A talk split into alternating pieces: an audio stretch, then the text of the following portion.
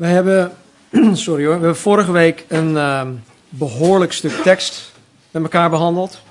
Het waren 40 versen, van vers 13 tot met 52, zoiets. Maar we hebben wel hoofdstuk 13 afgemaakt. We zagen vorige week onder andere dat ehm, Paulus een toespraak hield in de synagoge van Antiochië in Pisidië. En dat het gevolg van deze toespraak was dat velen tot geloof kwamen. Eh, vele mensen kwamen tot geloof in Jezus, die opgestaan is uit de dood. We zagen ook dat wegens jal jaloezie de Joodse leiders Barnabas en Paulus vervolgden. En zo gingen Barnabas en Paulus te voet door naar Iconium. En dat zo'n 150 kilometer uh, ten zuidoosten van uh, Antiochië ligt. Nou, in Iconium vindt het volgende avontuur van Barnabas en Paulus dus plaats, wat we dus vandaag gaan, uh, gaan lezen. we maken dus een begin aan hoofdstuk 14. En ik vertelde gisteren nog aan Marnie, ik zei, joh, ik ga heel hoofdstuk 14 behandelen, maar dat is mij dus niet gelukt. Het gaat me vanmorgen ook niet lukken. En dat heeft hoofdzakelijk te maken met het feit dat wij vanmorgen heilig avondmaal vieren. Um, kon het wel doen, maar ja, dan wordt het net iets te lang. Dus um, we komen niet verder dan vers 18 vanmorgen. Vorige week zagen we aan het eind van hoofdstuk 13 dat um, de bediening van Barnabas en Paulus zeer vruchtbaar was. En ze gingen er niet voor niets naartoe. En het was ook geen um, ja, on, ongeslaagde actie van hun. God zegende het. Want er staat dat de heidenen het woord van God hoorden. Zij verblijden zich hierover en zij prezen het woord van de genade.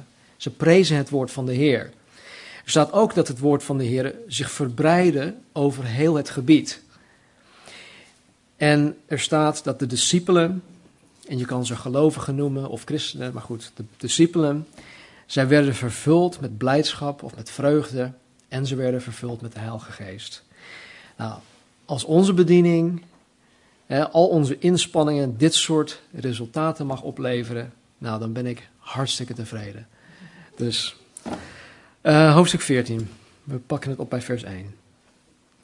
En het gebeurde in Iconium dat zij samen, dus Barnabas en Paulus, de synagoge van de Joden binnengingen en zo spraken dat een grote menigte, zowel van Joden als van Grieken, geloofde. Maar de Joden die zich niet lieten overtuigen, wekten in de zielen van de heidenen onrust en verbittering tegen de broeders. Zij verbleven daar dan geruime tijd en spraken vrijmoedig in vertrouwen op de Heere, die getuigenis gaf aan het woord van zijn genade en tekenen en wonderen door hun hand liet gebeuren. En de bevolking van de stad raakte verdeeld. Sommigen waren op de hand van de Joden, anderen op de hand van de apostelen. En toen er een oploop ontstond, zowel van heidenen als van Joden, met hun leiders om hen te mishandelen en te stenigen, vluchtten zij, na alles overlegd te hebben, naar Lystra en Derbe, de steden van Lycaonië en de omgeving. En zij verkondigden daar het evangelie. En er zat in Lystra een man die geen macht had over zijn voeten. Hij was verlamd, van de moederschoot af en hij had nooit kunnen lopen. Hij hoorde Paulus spreken, die keek hem doordringend aan en toen hij zag dat hij geloof had om gezond te worden, zei hij met luide stem, Sta rechtop, uw voeten. En hij sprong op en liep rond. En de menigte die zagen wat Paulus gedaan had, verhieven hun stem en zeiden in het Lycaonisch: De goden zijn de menselijk gelijk geworden en zijn naar ons afgedaald. Ze noemden Barnabas Zeus en Paulus Hermes, omdat, het woord, omdat hij het woord voerde. En de priester van Zeus, wiens tempel voor, hun, voor hun stad lag, bracht ossen en kransen bij de poorten en wilde samen met de menigten offeren. Maar toen de apostelen Barnabas en Paulus dat hoorden, scheurden zij hun kleren, stortten zich in de menigte en riepen: Mannen, waarom doet u dit? Ook wij zijn mensen die hetzelfde ondergaan als u. En wij verkondigen u juist dat u zich van deze zinloze dingen moet bekeren tot de levende God, die de hemel, de aarde, de zee en alles wat daarin is gemaakt heeft. Hij heeft in de voorgaande generaties al de heidenen hun eigen weg laten gaan, hoewel hij zichzelf toch niet onbetuigd liet door goed te doen. Hij gaf ons vanuit de hemel regen en vruchtbare tijden en vervulde ons hart met vreugde door voedsel te geven. En door dit te zeggen, konden zij de menigten er maar nauwelijks van weerhouden aan hen te offeren. Tot zover. Vader, ik dank u wel, Heer, voor uw woord. Heer, voor deze mannen, Paulus en Barnabas. Voor Lucas, Heer, die het vastgelegd heeft. Die als het ware de woorden, Heer, die u hem gegeven heeft, Heer, heeft vastgelegd. Want alles is door inspiratie van de Heilige Geest gegeven. En ik dank u, Heer, dat wij nog steeds de vruchten mogen plukken, Heer, van alles dat zo lang geleden is gebeurd. En Heer, u heeft het ons gegeven. Heer, om van u te leren. Heer, om onszelf beter te leren kennen. Heer, om te weten hoe wij met omstandigheden moeten omgaan, situaties in ons leven. Hoe wij Jezus Christus beter en beter leren kennen en Hem navolgen. En zo, Heer, doe dat werk vanmorgen door uw woord. Laat uw Heilige Geest ons verstand, onze ogen, onze oren en vooral, Heer, onze harten openen. Opdat wij echt de volle lading zullen mogen ontvangen en toe-eigenen. In Jezus' naam. Amen. In vers 1 staat er: Het gebeurde in Iconium dat zij samen de synagoge van de Joden binnengingen en zo spraken dat een grote menigte zowel van Joden als van Grieken geloofde. Ik wil even focussen op, de, op deze twee woorden. Zo spraken. Zij spraken op een blijkbaar overtuigende manier. Zij spraken tot deze mensen en het kwam blijkbaar overtuigend over. Want het resultaat was dat een grote menigte, zowel Joden als Grieken, geloofden.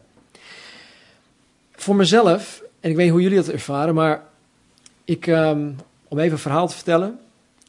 Ik heb 15 jaar lang in de commercie gezeten. Ik, heb, uh, ik, heb, ik was salesman. Ik heb voor diverse bedrijven gewerkt. En sommige bedrijven waren beter dan andere bedrijven. Maar ik moest of een product of een dienst moesten verkopen. Nou, bij mijn eerste bedrijf, daar was ik helemaal vol van. Ik was, het bedrijf heet ja, Xerox, nou dat kennen sommigen van jullie misschien. In de States was ik er helemaal vol van. Ik had, ik had t-shirts van Xerox, ik had uh, stickers, ik had dingen op mijn, op mijn auto geplakt. Ik was Mr. Xerox. Ik geloofde echt in het bedrijf, ik geloofde in de bedrijfsfilosofie, ik geloofde in de producten. Ik geloofde wat ik dus aan de klant mocht verkopen. Toen ik daar wegging, kwam ik bij andere bedrijven terecht. En toen dacht ik van, wauw, zij kunnen niet tippen aan Xerox. En dit, eh, dit, dit gaat fout, dat gaat fout. In de, op de operatie, op uitvoerend niveau gaan dingen mis. En ik kan niet eens waarmaken wat ik aan deze mensen vertel. Dus ik begon daar minder en minder in te, gaan, eh, te geloven. Nou, het gevolg daarvan is dat ik, ik twee dingen kon doen. Ik kon of tegen de mensen gaan liegen over onze geweld, ons geweldig bedrijf, ons geweldige diensten en producten. Of ik kon zeggen van nou, misschien moet ik hiermee stoppen. Nou, ik heb voor het tweede gekozen, want op een gegeven moment was ik niet overtuigd over datgene wat ik moest brengen. En kwam ik dus ook niet meer overtuigend over bij de mensen. Zo mijn cijfers van de sales, die normaal gesproken ja, op niveau waren, die, die kelterden dan. En ik, ik, ik deed het niet meer goed. Nou, waarom zeg ik dit? Paulus en Barnabas waren ooggetuigen van de opgestane Heer. Paulus dan op de weg naar, uh, naar uh, Damascus, dankjewel, hoofdstuk 9. Maar Barnabas had waarschijnlijk um, Jezus op een andere manier meegemaakt. Hij was, hoorde waarschijnlijk tot de 500 die Jezus levend had gezien. Dus zij waren gewoon overtuigd. Niemand kon hun vertellen dat Jezus niet opgestaan was uit de dood. Dus ze brachten die boodschap met veel overtuiging. En dat kan ik alleen als ik zelf overtuigd ben van datgene waarover ik spreek. Ik kan jullie niet overtuigen van wat ik hier ja, zeg, tenzij ik er zelf van overtuigd ben. Nou, in 2 Timotheus hoofdstuk 4, vers, vers 2 geeft Paulus een aantal instructies aan zijn jonge protégé Timotheus. Timotheus werd als voorganger aangesteld uh, aan, over de gemeente in Efeze. En hij was onervaren, hij was jong, hij was een beetje timide, was een beetje um, naïef. Dus Paulus gaf hem een hoop instructies hoe hij daar de gemeente op moest zetten, hoe hij het moest runnen, wat zijn kerntaak was, hè, zijn kernactiviteiten en, enzovoort enzovoort. Nou, een van de dingen die hij dus tot, tot Timotheus zegt, is in hoofdstuk 2, nee sorry, 2 Timotheus hoofdstuk 4 vers 2. Hij zegt, predik het woord. Punt uit. Volhard daarin, gelegen of ongelegen, weerleg, bestraf, vermaan en dat met alle geduld en onderwijs. Hij zegt weerleg. Nou, ik wil even focussen op dat woord. Dat woord betekent overtuig. Overtuig de mensen. Predik het woord, overtuig de mensen. Het kan ook betekenen ehm, dat je iets dat verkeerd is aan het daglicht brengt. Dus het betekent overtuigen en het betekent iets aan het daglicht brengen dat verkeerd is. Hier wordt dus bedoeld dat Timotheus in het bijzonder, omdat hij voorganger was, maar ook wij gewoon in het algemeen, um, dat wij um, mensen die een verkeerde opvatting hebben over God of over Jezus, dat wij met, hun met overtuigingskracht aanspreken. En het maakt niet uit, je hoeft niet de hele Bijbel door en door te kennen om overtuigd te zijn. Als je maar van één iets onder overtuigd bent, dan kan je met overtuiging een andere persoon daarover aanspreken. Of je kan het met die persoon delen. En het betekent niet alleen overtuigend, maar ook dat wij hun verkeerde opvattingen, hun verkeerde gedachten, hun verkeerde gewoonten aan het daglicht horen te brengen. Nou, dat, is, dat, dat zijn soms geen fijne gesprekken. En meeste van ons, ik spreek ook voor mezelf, die hebben vaak het lef niet om over bepaalde zaken te praten.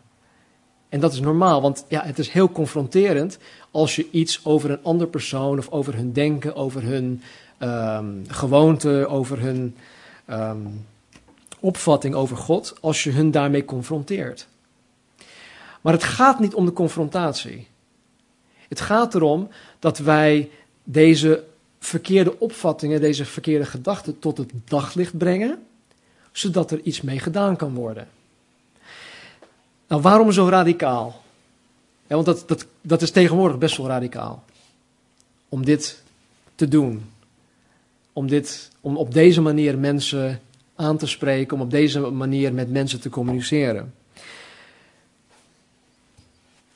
Ik heb wel eens gesprekken hierover met mensen en ze vinden dit dus ja, dit, dit kan gewoon niet. Ja, het is waar, ja, het is theologisch te onderbouwen, maar dat kan niet. We moeten het over de liefde van Jezus hebben. De liefde van Jezus is ook waar en daar moeten we het ook over hebben. Maar dan zeggen ze, ja, maar je moet het hebben over uh, ja, dat Jezus een plan heeft met je leven. Dat, dat Jezus uh, je, je allerbeste vriend wil zijn. Dat Jezus uh, jouw talenten en gaven heeft gegeven en die moet je ontdekken en die moet je gaan gebruiken en inzetten voor de Heer. Dat zijn alle, die dingen zijn allemaal waar. Maar dat is niet de essentie van het evangelie. We zullen zo meteen zien wat Paulus en Barnabas aan de mensen gaan vertellen. Ze vertellen het evangelie. En wat ik net genoemd had, de liefde van Jezus, Jezus heeft een plan, dat zijn allemaal onderdelen van, maar we moeten de gehele boodschap aan de mensen brengen. Anders krijgen ze een verkeerde weer een verkeerde opvatting van wie God is en wat God met hun van plan is. Nou, waarom zo radicaal? Want er staat even verder in 2 eh, Timotheus 4, de, de twee uh, daarop volgende versen. Dus 2 Timotheus 4, vers 3 en 4. Want er zal een tijd, een tijd komen dat zij het gezonde onderwijs niet zullen verdragen, maar zij zoeken wat hun gehoor streelt. En zullen voor zichzelf leraars bijeenrapen naar hun eigen begeerte. Ze zullen gehoor, hun gehoor van de waarheid afwenden en zich keren tot fabels. Nou, dit is een hele mond vol. Ik geloof dat deze tijd al heel lang geleden was aangebroken. En dat mensen uh, zich niet aan de gezonde onderwijs willen houden. Dat ze, dat ze niet meer willen horen over zonde. Want zonde is, is taboe tegenwoordig. Heel veel dingen die in de Bijbel staan, zijn niet politiek correct. En daar hoort niet over gesproken te worden. Mensen zullen het niet verdragen. Ze willen het niet verdragen. Maar als wij effectief willen zijn, zoals Barnabas en Paulus waren, in het verwekken van discipelen, dan horen wij het hele evangelie overtuigend aan de mensen te brengen. We komen er niet onderuit. Als we, als we maar een, gedeelte of een plukje hier, een plukje daar aan de mensen vertellen, dan help je hun niet. Dan help je hun alleen maar door uh, met, met, het, ja, met het voeden van hun mis, misvattingen over God. En dat is niet de bedoeling. Vers 2. Maar de Joden die zich niet lieten overtuigen, wekten in de zielen van de heidenen onrust en verbittering tegen de broeders. Nou, de Joodse leiders en hun volgelingen stookten daar de boel gewoon op. Daar komt het op neer. Heel plat gezegd, ze stookten de boel op. En ze stookten de boel op tegen degenen die, die, die wel tot geloof kwamen. En, en vooral tegen Barnabas en Paulus. Dus hier zien we dat Barnabas en Paulus weer of alweer tegen weerstand opstuiten. Maar wat doen ze? Ze laten zich daar niet door afschrikken. Nee, ze bleven de Heer zoeken en de Heer gaf hun de gelegenheid om in alle vrijmoedigheid te blijven spreken. In vers 3 staat er: Ze verbleven daar dan geruime tijd en spraken vrijmoedig in vertrouwen op de Heer, die getuigenis gaf aan het woord van zijn genade en tekenen en wonderen door hun hand liet gebeuren. Dus ze bleven daar geruime tijd, omdat zij het groen licht hadden gekregen van de Heer. Ze hadden groen licht gekregen om daar gewoon te blijven spreken. Sterker nog, Jezus bevestigde het woord van zijn genade door tekenen en wonderen te verrichten door de handen van Barnabas en Paulus. En dit is, dit is ook weer iets dat we heel goed moeten onthouden. Dit is, dit is de Bijbelse volgorde. Het woord wordt gebracht en dan komen de wonderen en tekenen. Het is nooit andersom. Het is nooit dat we de wonderen en tekenen ja, najagen en dat we een, iets, iets bovennatuurlijks zien en dat we naar een Bijbelvers zoeken om dat te kunnen onderbouwen. Nee, het woord komt en dan komt de wonderen en de tekenen. En het hoort altijd in die volgorde te zijn. In Marcus 16, vers 20 staat dit. En zij, dat zijn dan de, de discipelen, zij gingen overal heen om te prediken en de Heere werkte mee en bevestigde het woord door de tekenen die erop volgden. Dat geeft weer de, de, de volgorde aan. Nou, het woordje tekenen betekent dat datgene dat men ziet gebeuren, hè, stel dat, dat, dat hier iemand genezen wordt, dat datgene dat gebeurt, die persoon die wordt genezen, dat dat wijst op degene die het tot, tot, stand heeft gebracht. Dat is een teken. Het is een soort uh, verwijzingsbord. Een teken is iets dat, dat men verwijst naar de bron. En in, in dit geval, waar we het hier dus over hebben, um, ja, zal, hoort alles wat, wat, ja, wat van bovennatuurlijke aard, een teken, een wonder, dat hoort dat hoort ons altijd naar Jezus te verwijzen. Het is niet zo dat, dat ik kan roemen van, oh kijk, kijk wat ik heb gedaan. Of, nee, Jezus heeft het gedaan. En het, het geeft altijd aan wie de bron is. Dus een bovennatuurlijk teken, hè, die we eventueel zullen zien, nadat het woord van God gebracht wordt, zal ons altijd naar Jezus verwijzen. In Johannes 15, 26 zegt Jezus iets heel moois in zijn, in zijn afscheidsspeech aan de discipelen. Hij zegt, wanneer de trooster is gekomen, die ik u zenden zal van de Vader, de geest van de waarheid, die van de Vader uitgaat, zal die van mij getuigen. Het is ook de taak van de Heilige Geest om ons tot Jezus te, te, te brengen, om naar Jezus te wijzen. De Heilige Geest zal nooit uh, op, de, op de voorgrond staan van, van kijk, ik ben het. Nee, zijn taak is dat hij getuigt van Jezus Christus. En alhoewel Jezus hier zegt wanneer de trooster is gekomen, dat, is, dat woordje trooster is parakletos, dat betekent iemand die langs mijn zij komt om mij te steunen, te helpen. En dat betekent ook trouwens, hij is exact hetzelfde als mij, zegt Jezus. Wanneer de trooster komt, deze trooster is precies precies hetzelfde als, als, als mij, als ik, zegt Jezus. Hij zal van mij getuigen. Nou, alle bovennatuurlijke gebeurtenissen die van God afkomen, horen te getuigen van Jezus. Dat Jezus God is, hè, dat Jezus opgestaan is uit de dood, dat Jezus de weg, de waarheid en het leven is. En dat geen enkel mens tot de Vader kan komen dan door Hem.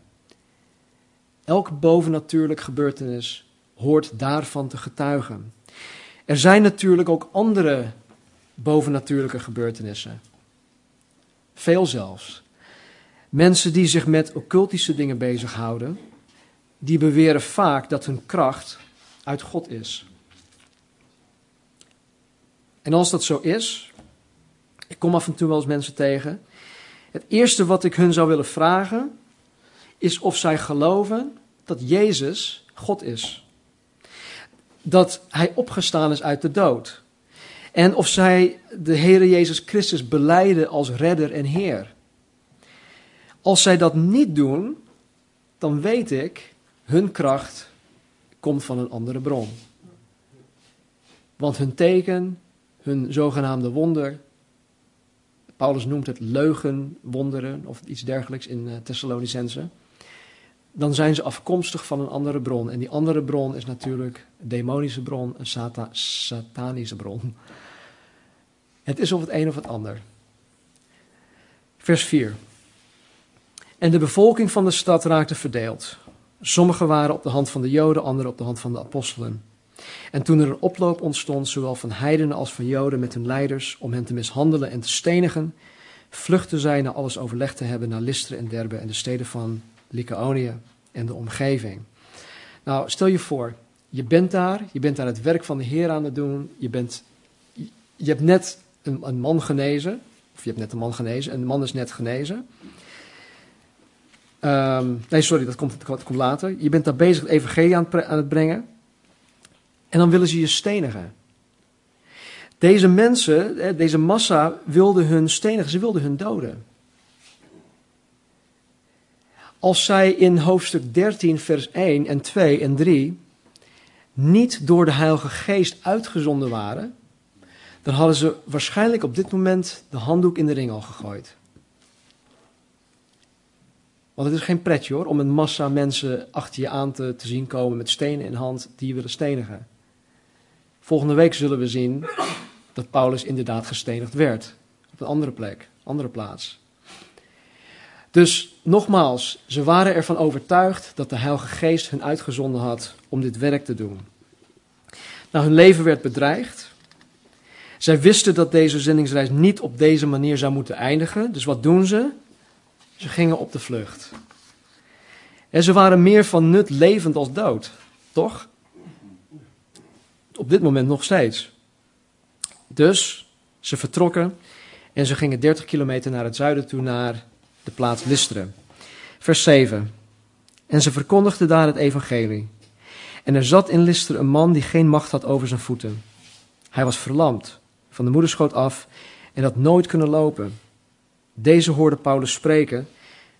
Die keek hem doordringend aan en toen hij zag dat hij het geloof had om gezond te worden, zei hij met luide stem, sta recht op uw voeten.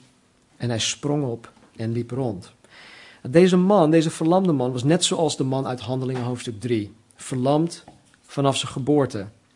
Hij had nooit in zijn leven geleerd om te, te, te kruipen, hè, te staan, te lopen, te rennen. Dat had hij nooit geleerd. En we weten ook niet op dit moment, vanuit de tekst, wat Paulus daar aan het vertellen was. Wat was zijn boodschap precies? Maar blijkbaar vertelde hij ook iets over de helende, de genezende kracht van Jezus Christus. En terwijl deze man daar dan zat te luisteren, spreekt de Heilige Geest tot zijn hart en hij krijgt het geloof om gezond te worden. En Paulus, die vervuld is met de Geest, die ziet dat aan. Hij keek die man doordringend aan en hij zei: Sta op.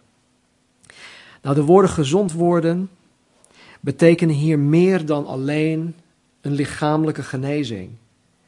En vaak zijn wij als mensen, ja, en het is mens eigen, ik ook hoor, we zijn vaak uit op, op lichamelijke genezing en herstel en we willen zo graag uh, verlost zijn van onze kwaaltjes en, en dingen. Ik worstel daar zelf ook mee. Maar we zien hier dat het niet alleen met een lichamelijke genezing te maken heeft, het heeft ook te maken met redding. Met behouden worden. Dus met een geestelijk gezond worden. En dat is bij God altijd het voornaamste. Bij God is het voornaamste dat de mens geestelijk gezond wordt. Dat de mens uit zijn geestelijk dode toestand tot leven wordt gebracht door de wedergeboorte.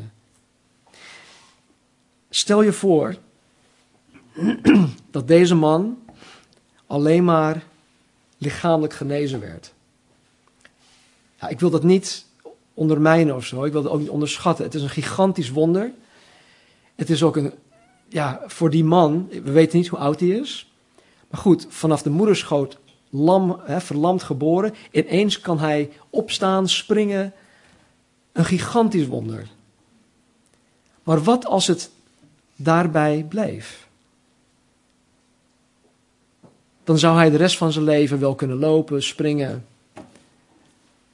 Maar als hij de waarachtige God van de Bijbel, de opgestane Jezus, niet zou hebben leren kennen, dan zou hij voor de eeuwigheid nog steeds verloren zijn. En God had zijn eeuwig bestwil voor ogen. En deze man geloofde. Vers 11. En de menigte die zagen wat Paulus gedaan had, verhieven hun stem en zeiden in het Lycaonisch: De goden zijn de mensen gelijk geworden en zijn naar ons afgedaald. Ze noemden Barnabas Zeus en Paulus Hermes, omdat die het woord voerden. En de priester van Zeus, wiens tempel voor hun stad lag, bracht ossen en kransen bij de poorten en wilde samen met de menigte offeren. Nou, ik weet niet of jullie de Griekse mythologie kennen, maar uit de Griekse mythologie zijn verschillende verhalen bekend waarin hun goden in menselijke vorm naar de aarde zijn gekomen. Is heel, heel kort door, door de bocht, heel beknopt wat ik hier vertel. Nou, Eén zo'n verhaal die zich in, in vooral deze streek voordeed, ging over een echtpaar. Die heette Philemon en, um, en Baukis of Bauchis, zoiets.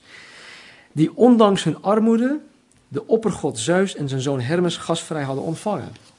Deze, deze, deze twee goden die kwamen dan in, uh, in lichamelijke vorm naar de aarde toe. Dit arm echtpaar, ze kwamen bij dit arm echtpaar aanbellen en ze hadden een gasvrij ontvangen. Nou, volgens de mythe hadden Zeus en Hermes deze, ja, deze menselijke vorm aangenomen, maar ze vertelden pas later, en nadat ze ontvangen waren, nadat ze gegeten hadden, eten hadden gekregen, dat zij het waren, dat zij dus Zeus en Hermes waren. En vervolgens werd het echtpaar rijk, ze werden rijkelijk door hun gezegend, hun nederig stulpje werd veranderd in een tempel. En enzovoort enzovoort. En dat is een van de verhalen. Nou, bij het bijgelovig volk van Listeren, in dit verhaal, leefde deze mythe blijkbaar nog heel sterk. En de, en de mensen dachten dus dat Barnabas en Paulus Zeus en Hermes waren in menselijke vorm. Zeus was de hemelgod aan wie alles van de schepping van, en van de natuur onderworpen was en Hermes was zijn woordvoerder.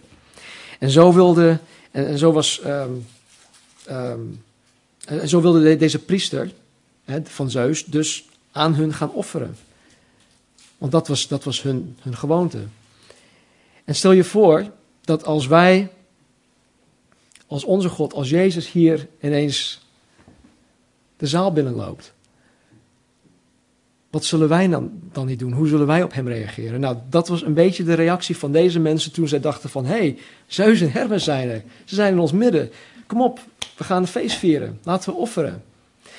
Nou, in vers 14 staat er, maar toen de apostelen Barnabas en Paulus dat hoorden, scheurden zij hun kleren, stortten zich in de menigte en riepen, mannen, waarom doet u dit? Ook wij zijn mensen die hetzelfde ondergaan als u.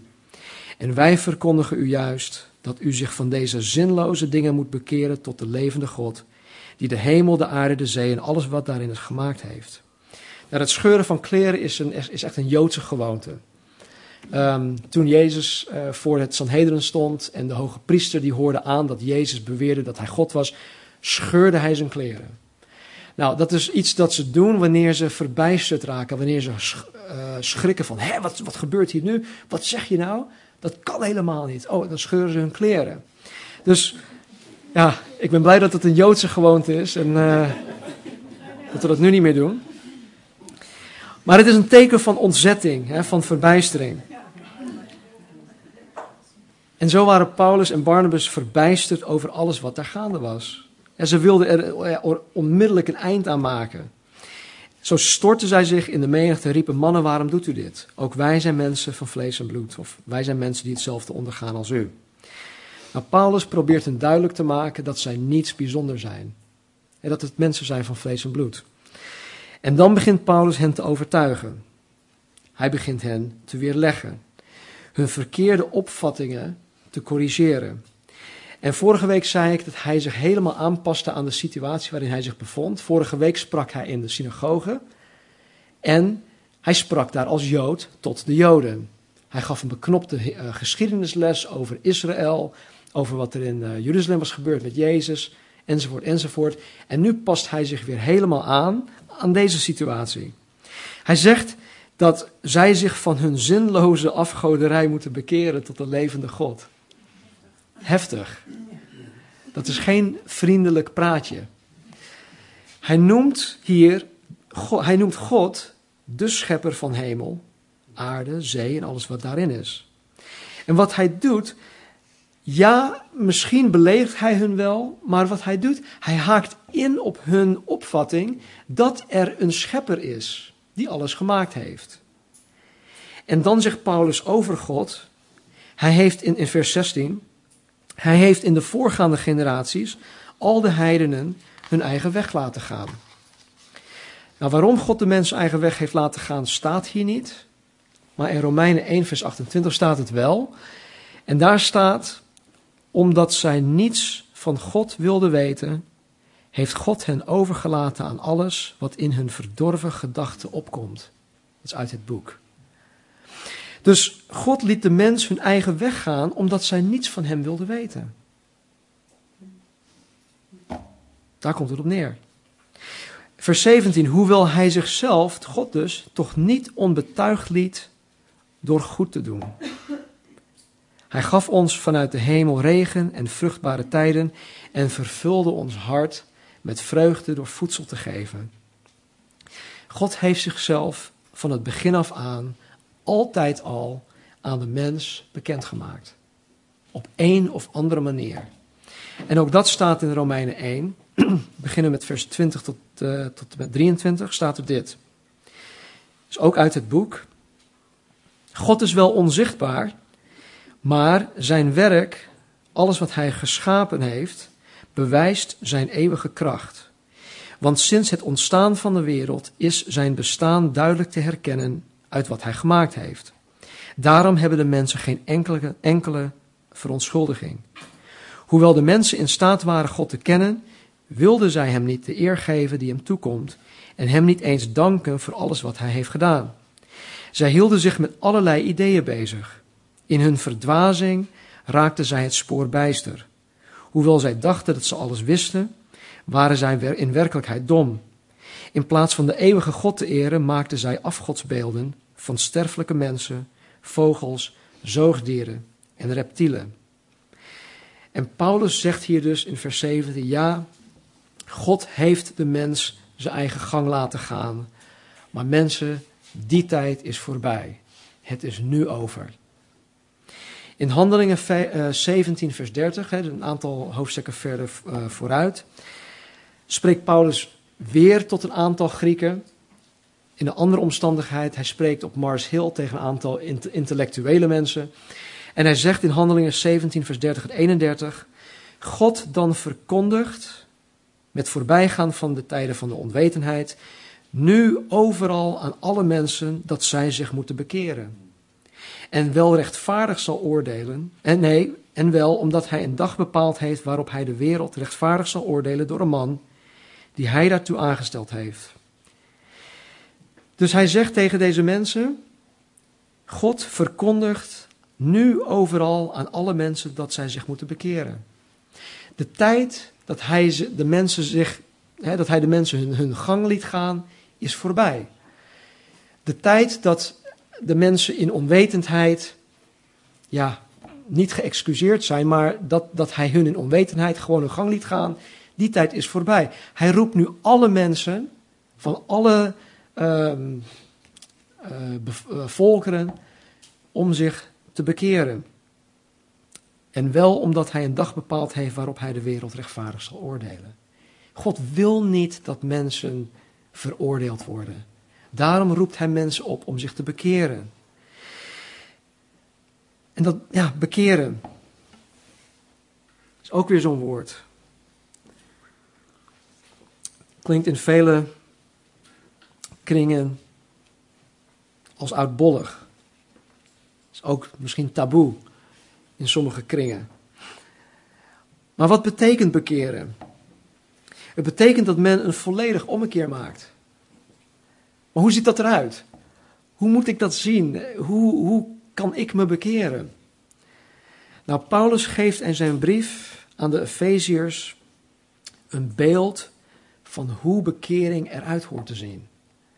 En het is een heel mooi stuk. Ik zal het voorlezen. Het is uh, Efeziërs hoofdstuk 4. Beginnen we met vers 17. En dit heeft te maken met het oude leven en het heeft te maken met het nieuwe leven. De oude mens, de nieuwe mens. En ik geloof dat we hierin kunnen zien hoe bekering eruit ziet, of hoe het eruit hoort te zien. Paulus zegt, hoofdstuk 4, vers 17.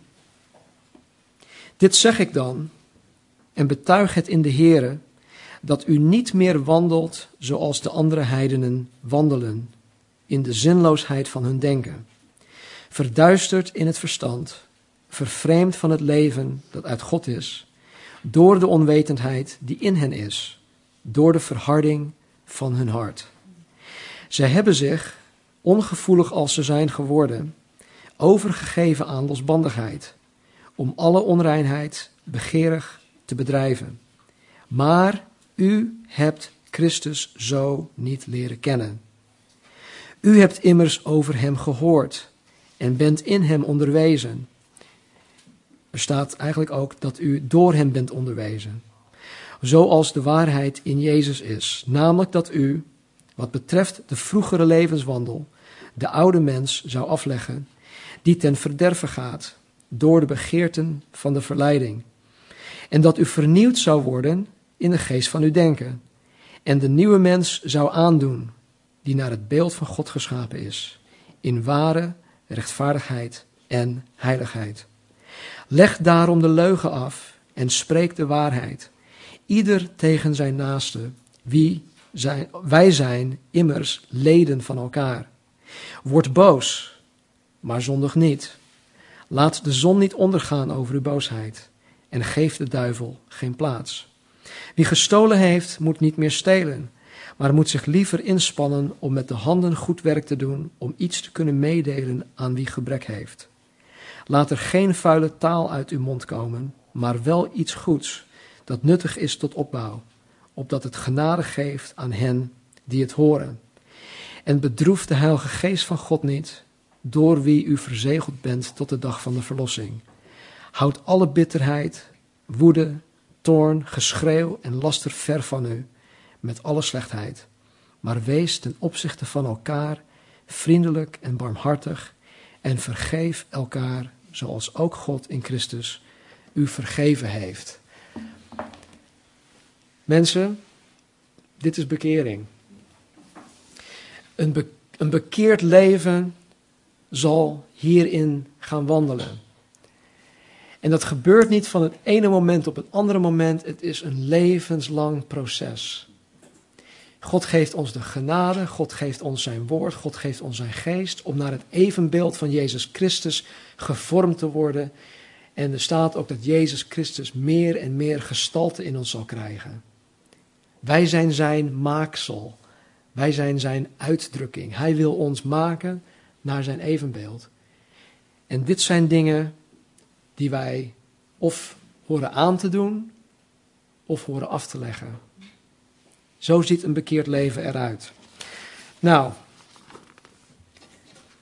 in Handelingen 3, vers 19 zegt Petrus: Kom dus tot inkeer en bekeer u, opdat uw zonden uitgewist worden en er tijden van verkwikking zullen komen van het aangezicht van de Heere. Ik heb een vraag. Wie van ons heeft er vanmorgen geen verkwikking nodig? Wij allemaal. Ik heb verkwikking nodig. Ik heb verkwikking nodig in mijn lichaam, in mijn ziel, in mijn geest, in mijn gemoedstoestand. En wanneer we ons bekeren, wanneer we tot inkeer komen, komen er tijden van, van verkwikking van het aangezicht van de Heer.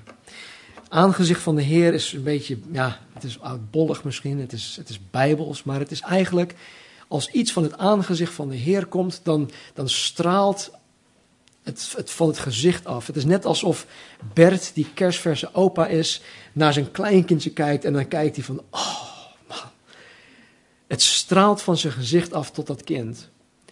En die verkwikking die, die straalt als het ware vanaf van Gods gezicht af naar ons toe. En wij hoeven het alleen maar te ontvangen. Jezus nodigt ons uit. Hij nodigt ons uit om van ons oude leven te bekeren tot God. En dat betekent simpelweg dat als wij tot nu toe iets of niets van God wilden weten, als wij tot nu toe ons eigen weg zijn gegaan, dat we nu tot God zeggen: God, ik wil vanaf dit moment een volledig omkeer maken. Ik wil u leren kennen. Ik wil niet langer mijn eigen weg gaan. Ik wil uw vergeving ontvangen. Ik wil een nieuwe start maken. Ik wil een nieuw leven krijgen. Ik wil het leven krijgen. Heer, vergeef me. Misschien heb je dit nog nooit eerder tegen God gezegd. Misschien heb je de Bijbel met de paplepel erin gekregen van kleins af aan. Misschien heb je dit nooit eerder gehoord, dat kan ook. Maar als God vanmorgen tot je hart gesproken heeft, doe het gewoon. Het is niet moeilijk. Zeg, Heer, hier ben ik, zoals ik ben. Geef jezelf over. Misschien heb je het wel eens gedaan, maar misschien ben je afgedwaald. Ook voor ons, ook voor jou geldt die uitnodiging. Jezus nodigt je uit. Wie je bent, hoe je hier zit. Het maakt niet uit. En om ons daaraan te herinneren willen we vanmorgen ook avondmaal vieren. En het avondmaal is het teken van het nieuw verbond. Jezus zegt, mijn bloed is het nieuw verbond. Het oude is voorbij, het nieuwe is gekomen en wij die daarin geloven, wij die dat omhelzen, wij die dat toe-eigenen, we kunnen daar deel aan nemen. Wij hoeven ons niet te schamen. Wij hoeven ons niet te onthouden hiervan.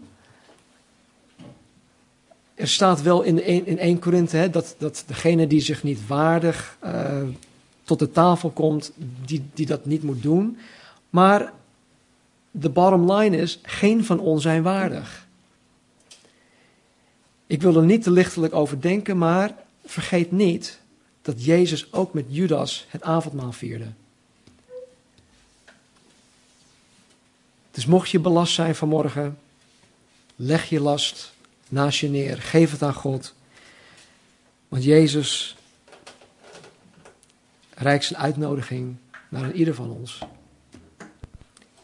En jullie kennen de tekst uit Matthäus 11, vers 28. Ik zal het nog even voorlezen. Ik ken het niet uit mijn hoofd in het Nederlands.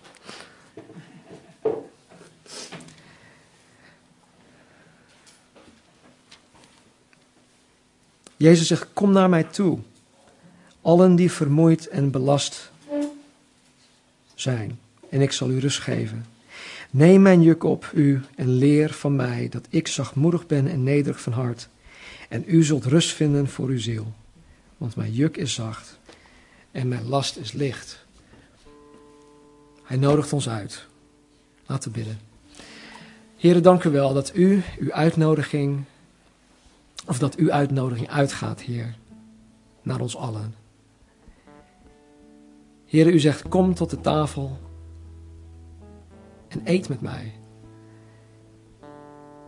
Heer, hoe we vanmorgen ook gekomen zijn, misschien belast, misschien ook helemaal niet belast, misschien zijn we vol vreugde. Ik kan me voorstellen als kerstverse opa en oma, dat ze zich, ja, dat ze jubelen in hun hart. Maar misschien zijn we ook anders gekomen, Heer. Misschien achten we onszelf niet waardig om bij U aan tafel te mogen zitten. Maar Heer, U houdt van ons. Heer, u bent genadevol. En Heer, uw liefde en uw genade, Heer, bedekken alle zonden. En zo, Heer, willen we in een moment het heilig avondmaal nuttigen. En Heer, weer even alles op scherp te zetten. Alles in focus te krijgen, Heer, wie u bent en wat u voor ons gedaan heeft. En wat u met ons leven wil doen, Heer. Dat wij uw maaksel zijn, dat u ons wil vormen naar het evenbeeld van Jezus, Heer. En dat u mij een betere echtgenoot wil maken. Dat u mij een betere broer wil maken. Dat u mij een betere zoon wil maken. Dat u mij een betere werknemer wil maken. Dat u mij een betere collega wil maken. Heer, het, het gaat om heel mijn leven. Elk vezel van mijn wezen, Heer, wilt u verbeteren, wilt u veranderen. En dat geldt voor een ieder van ons. Zo, Heer, gaat uw gang met ons. Doe uw werk. En Heer, zo komen we tot u. En we komen, Heer, in alle nederigheid. Met de wetenschap, Heer, dat wij niet waardig zijn. Maar dat u waardig bent.